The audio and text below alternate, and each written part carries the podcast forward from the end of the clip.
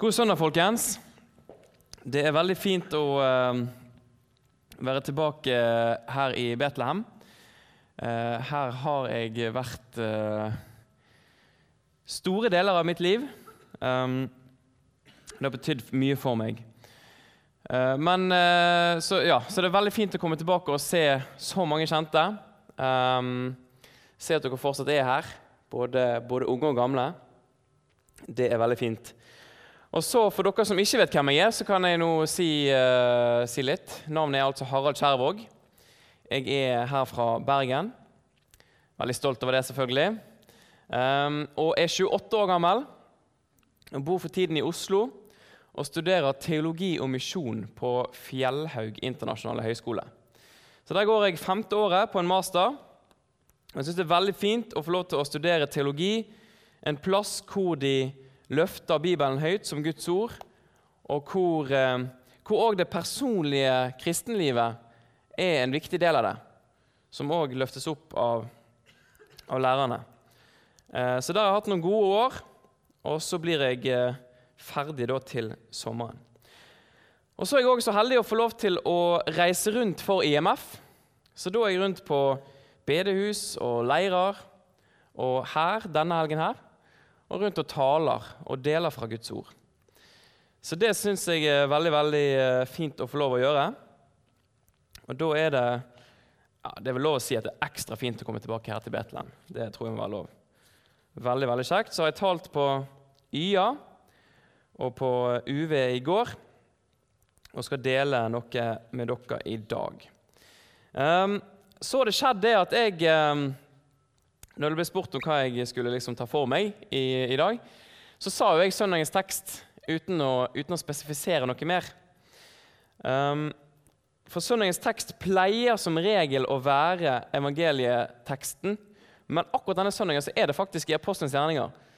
Så, så Heidi har helt rett at det egentlig er det som er eh, prekenteksten i dag. Men jeg skal faktisk ta for meg eh, evangelieteksten som står i Johannes 15. Så beklager det hvis noen har liksom, eh, niforberedt seg på apostlenes gjerninger. Eh, men eh, da får dere heller bare få med dere noe fra Johannes 15 istedenfor. Um, så da kan vi ta og begynne med å lese den teksten. Johannes 15, så tror jeg vi tar fra vers 12. Johannes 15, vers 12. Dette er mitt bud, at dere skal elske hverandre, like som jeg har elsket dere. Ingen har større kjærlighet enn denne, at han setter sitt liv til for vennene sine. Dere er mine venner dersom dere gjør det jeg pålegger dere. Jeg kaller dere ikke lenger tjenere, for tjeneren vet ikke hva hans herre gjør. Men dere har jeg kalt venner. For alt det jeg har hørt av min far, har jeg kunngjort dere. Dere har ikke utvalgt meg, men jeg har utvalgt dere og bestemt dere til å gå ut og bære frukt. Og deres frukt skal vare, for at Faderen skal gi dere alt det dere ber ham om i mitt navn. Dette er mitt bud til dere, at dere skal elske hverandre. Her eh, møter vi altså Jesus, som gir et bud til disiplene sine. Dere skal elske hverandre like som jeg har elsket dere. Og ingen har større kjærlighet enn denne, at han setter sitt liv til for vennene sine.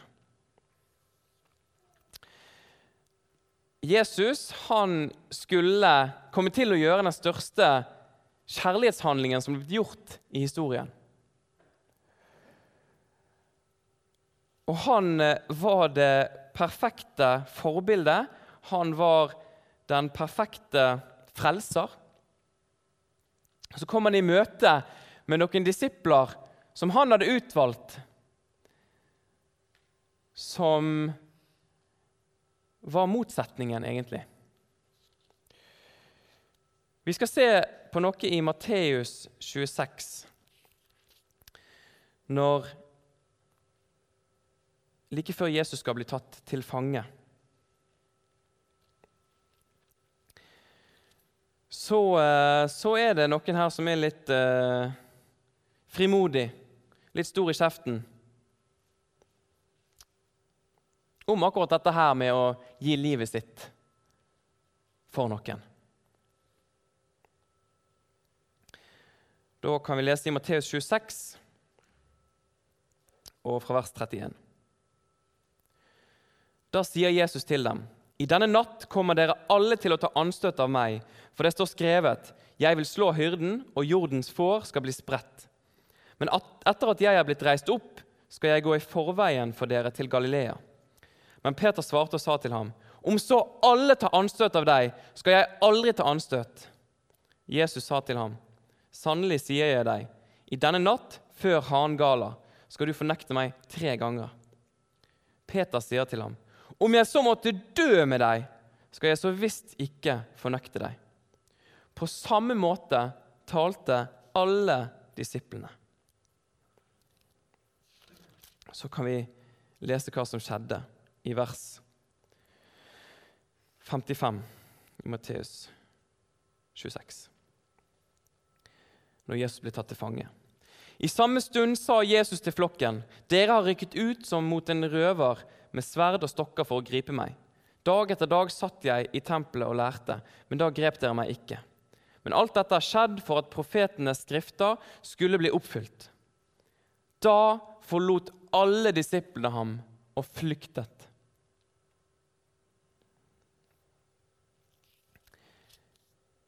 Vi trekker ofte frem Peter som den store fornekteren.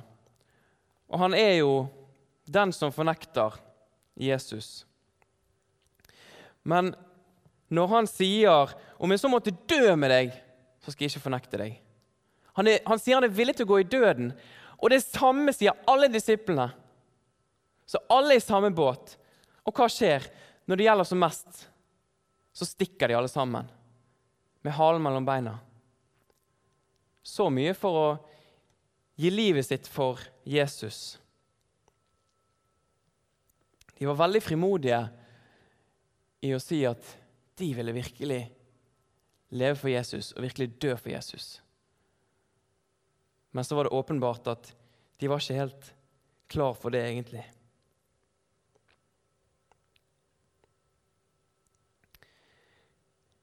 Likevel så var Jesus beredt på og fast bestemt på at han skulle likevel gi livet sitt for de.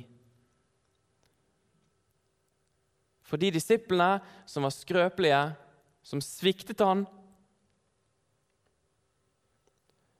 som var, hadde store lovord, men ikke holdt de. Han ville dø for de. Og Det er derfor i det hele tatt at han kan kalle de venner, og kan kalle oss venner. Vi som opprinnelig var fiender mot Gud. I Romane kapittel 5 står det noe om det.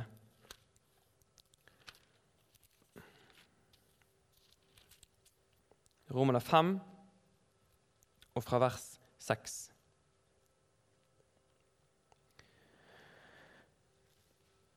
For mens vi ennå var skrøpelige, døde Kristus til fastsatt tid for ugudelige. For knapt nok vil noen gå i døden for en rettferdig. Skjønt for en som er god, kunne kanskje noen ta på seg å dø.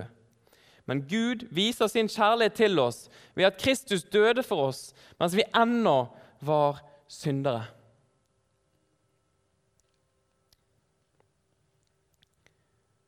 Det er ingenting i oss som gjør oss fortjent til at Jesus skulle dø for oss. Til at vi skulle få nåde og tilgivelse og et evig liv. Det er kun, kun hans enorme kjærlighet og det at han var villig til å legge ned sitt liv for deg og meg. Sjøl når vi var skrøpelige, sjøl når vi ennå var syndere, så ville han dø for oss.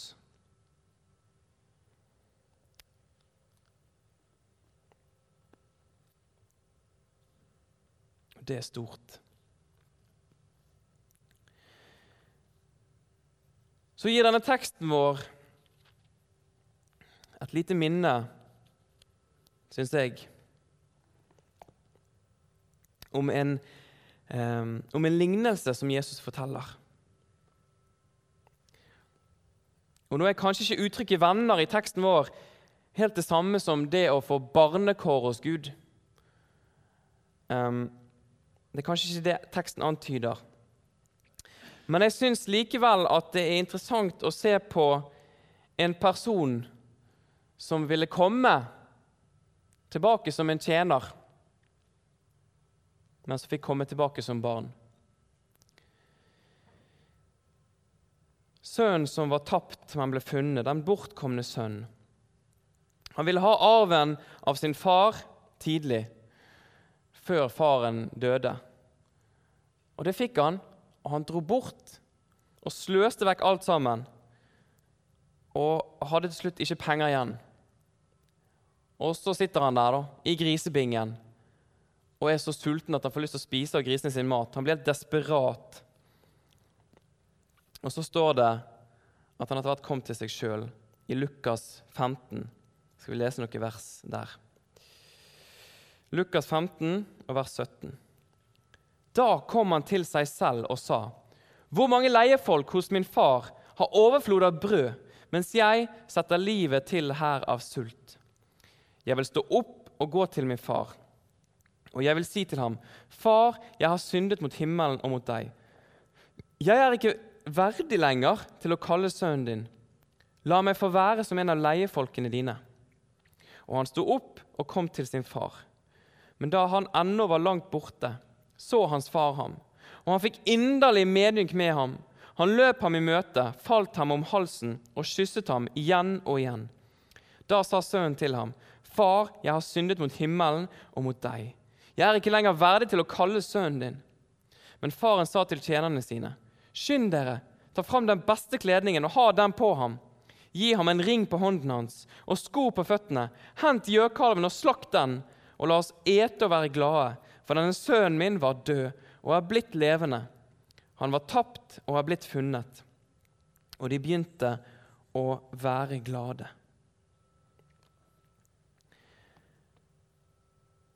Og Kanskje det er lett for oss å tenke sånn at hvis jeg skal komme til Gud, så må jeg, så må jeg være tjeneren hans så må jeg gjøre alt mulig for å gjøre meg fortjent til det. Kan umulig få være hans barn. Det er ikke jeg bra nok til. Nei, Gud viser her at han virkelig ønsker at du skal være hans barn. Først og fremst. Og at idet du kommer til han, så kommer han løpende i møte. Så slakter han gjøkalven og holder fest.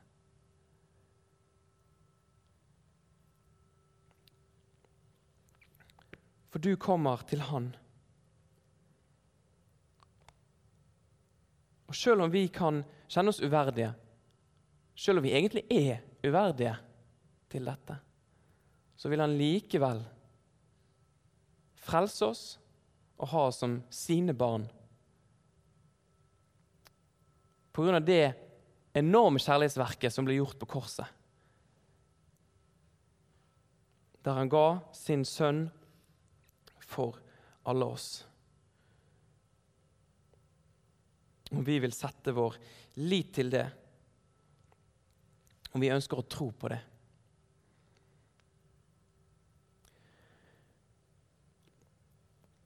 Og Så er det en annen ting i denne lignelsen som er veldig interessant.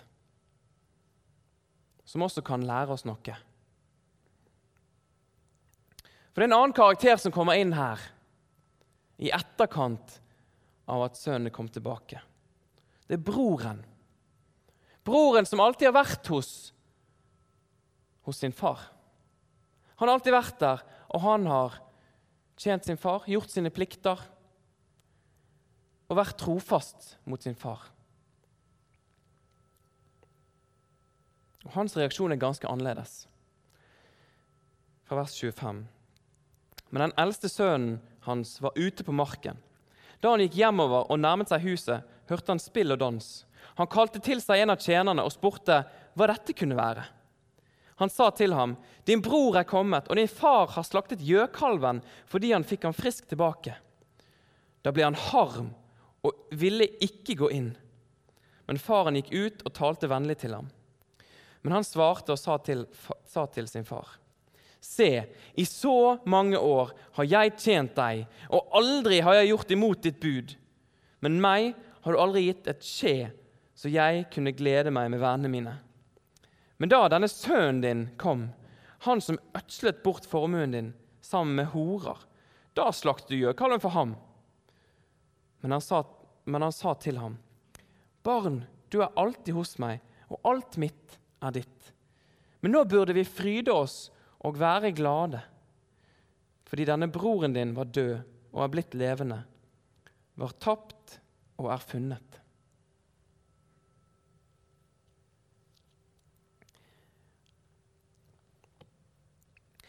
Jeg vet ikke om dette er treffende for noen her i dag. Men la oss prøve å la det ransake oss litt. Vi som gjerne har fått vokse opp i en kristen sammenheng, um, har fått tilhøre Jesus hele eller store deler av livet. Kan vår holdning være sånn mot andre mennesker?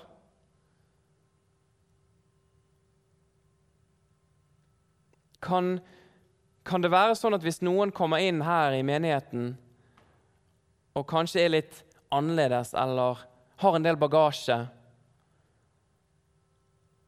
at vi da ikke Ja, ja, vi kan liksom ta imot dem og hilse på dem, og sånn, men vi, vi vil egentlig ikke involvere oss altfor mye i dem. Er vi litt sånn påpasselige med å møte de menneskene som har hatt et litt skakkjørt liv, som kanskje har et skakkjørt liv, men som Gud elsker?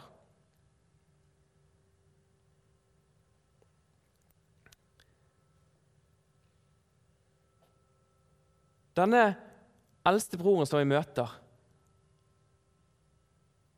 Merk dere hvordan han omtaler sin egen bror. Han sier til sin far, 'Denne sønnen din' Han vil ikke snakke om han som sin egen bror engang.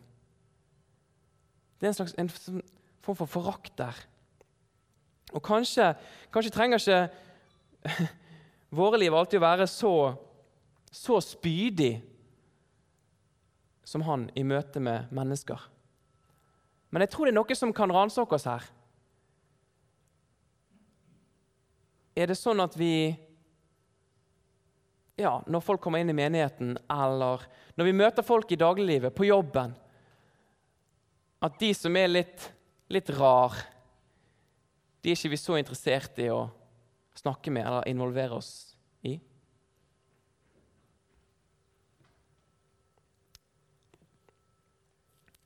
Jeg vet ikke, Det kan i hvert fall utfordre meg. Hvordan er det jeg møter folk? Hvordan er det jeg møter mennesker? Og jeg kan vitne om sjøl at det å få komme her i Betlehem da jeg sjøl gikk i åttende klasse Få komme her på, på Y-a og oppleve det at ja, folk kom bort og hilste på meg og, og var oppriktig interessert i hvem jeg var. Bare sånn uten noen spesiell grunn. Bare fordi de var ja, oppriktig brydde seg. De brydde seg om mennesker. Og hadde aldri opplevd det noen plass før. Og det var fantastisk godt. Selv om jeg helt sikkert på mange måter var litt rar på den tiden og langt hår. Og, altså det var en grunn for at jeg ble kalt for Elgen. Jeg så ut som en elg. Eh, og liksom var sikkert eh, sær på mange måter. Men likevel så var det så mange som så meg, som møtte meg. Og det ble enormt viktig for at jeg kjente meg hjemme, for at jeg ble værende. Det ble som en familie nummer to. Og jeg tilbrakte veldig veldig mye av min fritid her i Betlehem fordi det var så godt å være her. Og de som jeg var med på YA, det er fortsatt mange av mine beste venner den dag i dag. Det har hatt enormt mye å si for mitt liv, for mitt trosliv. At mennesker har våget å se meg og møte meg sånn som jeg er.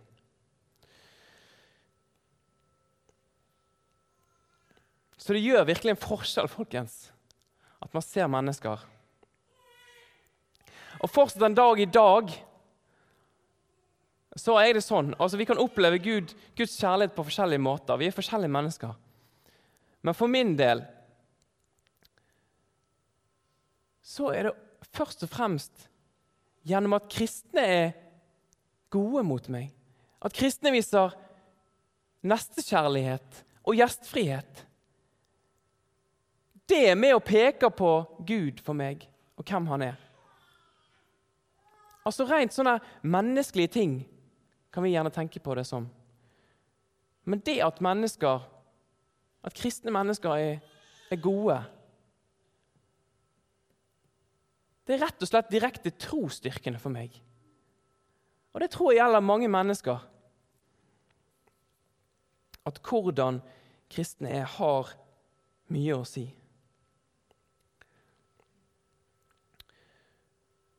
Så jeg vil fortsette til å oppfordre om det. Og jeg jeg opplever dette fellesskapet som, som i stor grad flink og god på å se mennesker. Men jeg tror man alltid har noe mer å gå på. Så vær frimodig i møte med mennesker her i Betlehem. Vær frimodig og, og hilse på, på mennesker fra en annen generasjon også. Det er kanskje lett for ikke, den litt eldre generasjonen å tenke at ja, men pff, ungdommen er ikke så interessert at jeg prater med dem. Jeg er jo bare kjedelig og gammel. og sånn. Men nei, det stemmer ikke. Vi vil gjerne bli kjent med, med dere. Det er så utrolig mye flott dere har å, å bringe, dere som har litt mer livserfaring. Um, ta og, og Inviter folk på, spontant på middag etter et søndagsmøte. Gjerne de som du ikke inviterer så ofte, kanskje. Eller de som Hvis du merker at noen kanskje trenger å, å bli sett og bli invitert. Det Ja.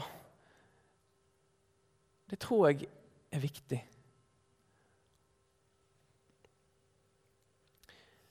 Og Jeg kunne nevnt mange ting som som jeg tror Gud ønsker at vi skal gjøre.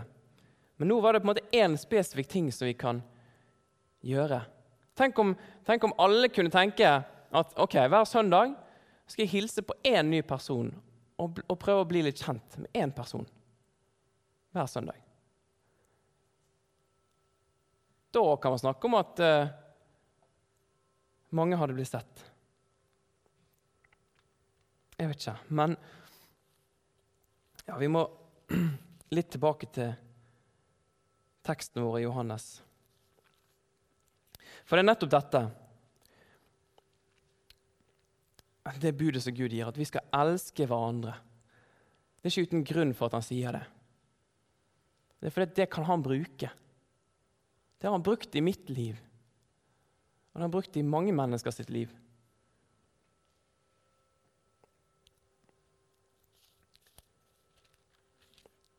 Og så er dette i en kontekst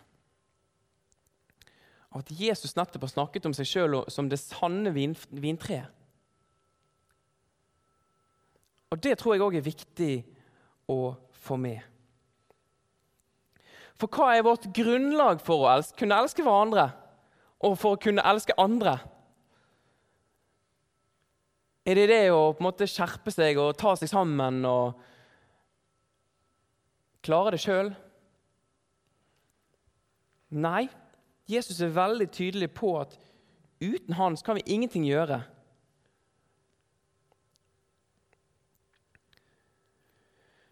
Vi kan lese i f.eks. vers 4 i Johannes 15. Bli i meg, så blir jeg i dere. Like som greinen ikke kan bære frukt av seg selv, men bare når den blir i vintreet. Slik kan heller ikke dere bære frukt uten at dere blir i meg. Jeg er vintreet, dere er grenene. Den som blir i meg og jeg i ham, han bærer mye frukt. For uten meg kan dere intet gjøre. Det er ikke gjennom vårt eget strev eller vår egen skjerpings. Det er gjennom å være nær Jesus og få kraft fra Han. For det er nødt til å være Han vi får kraft av til å vise Hans kjærlighet. Til å se mennesker. For det var Han som virkelig var mesteren til å, til å vise kjærlighet, til å se mennesker.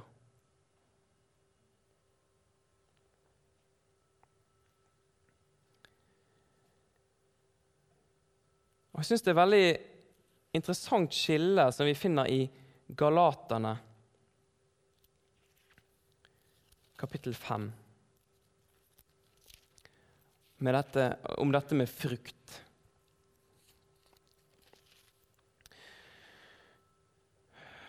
For da eh, Da skilles det mellom to ting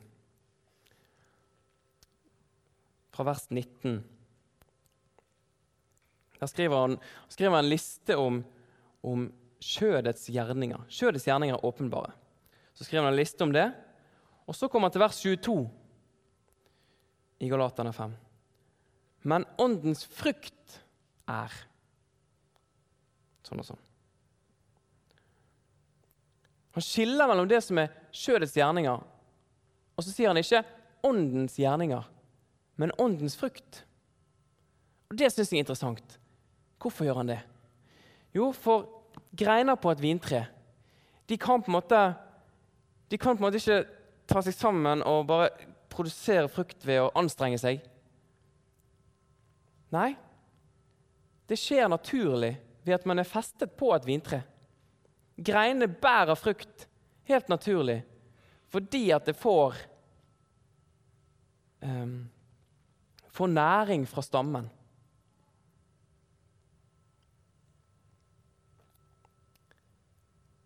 Sånn at Ja. Det er ikke først og fremst gjerninger vi skal gjøre, men at det er åndens frukt som skal få vokse frem. Åndens frukt i Hans nåde. Um, og av hans kjærlighet så er vi i det hele tatt stand til, i stand til å gjøre det.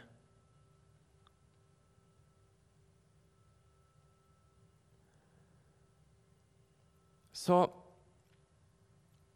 kanskje det kan være en, en oppfordring og en oppmuntring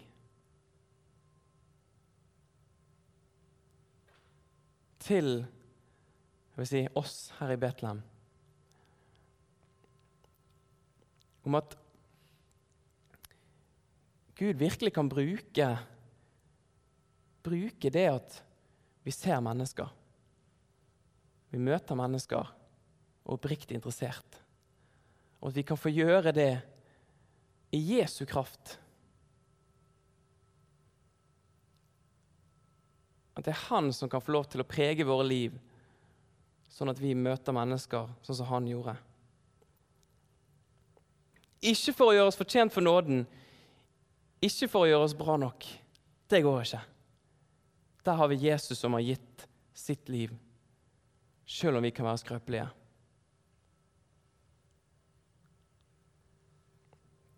Men så vil han bruke oss til å være med på å bevare andre kristne og til å nå nye. Både med kjærlighet og med Guds ord. For det òg skal vi frimodig få lov til å gi til hverandre og andre. Det er Guds ord. Det er vi helt avhengig av for å peke på hvem Jesus er. Det må ikke vi glemme heller. Vi tar og ber til slutt.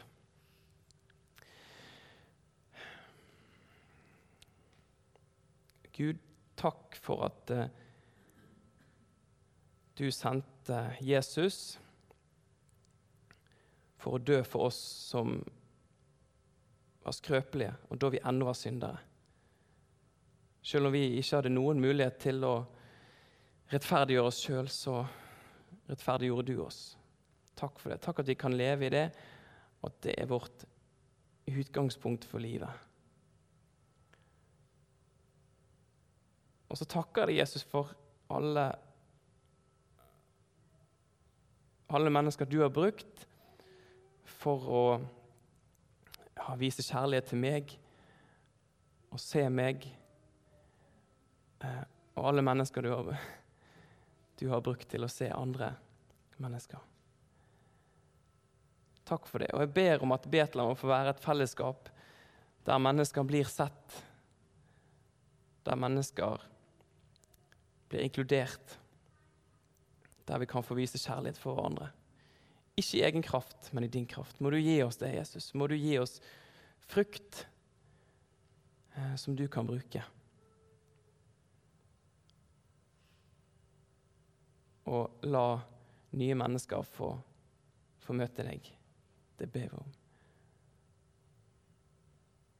Ja, I Jesu navn. Amen.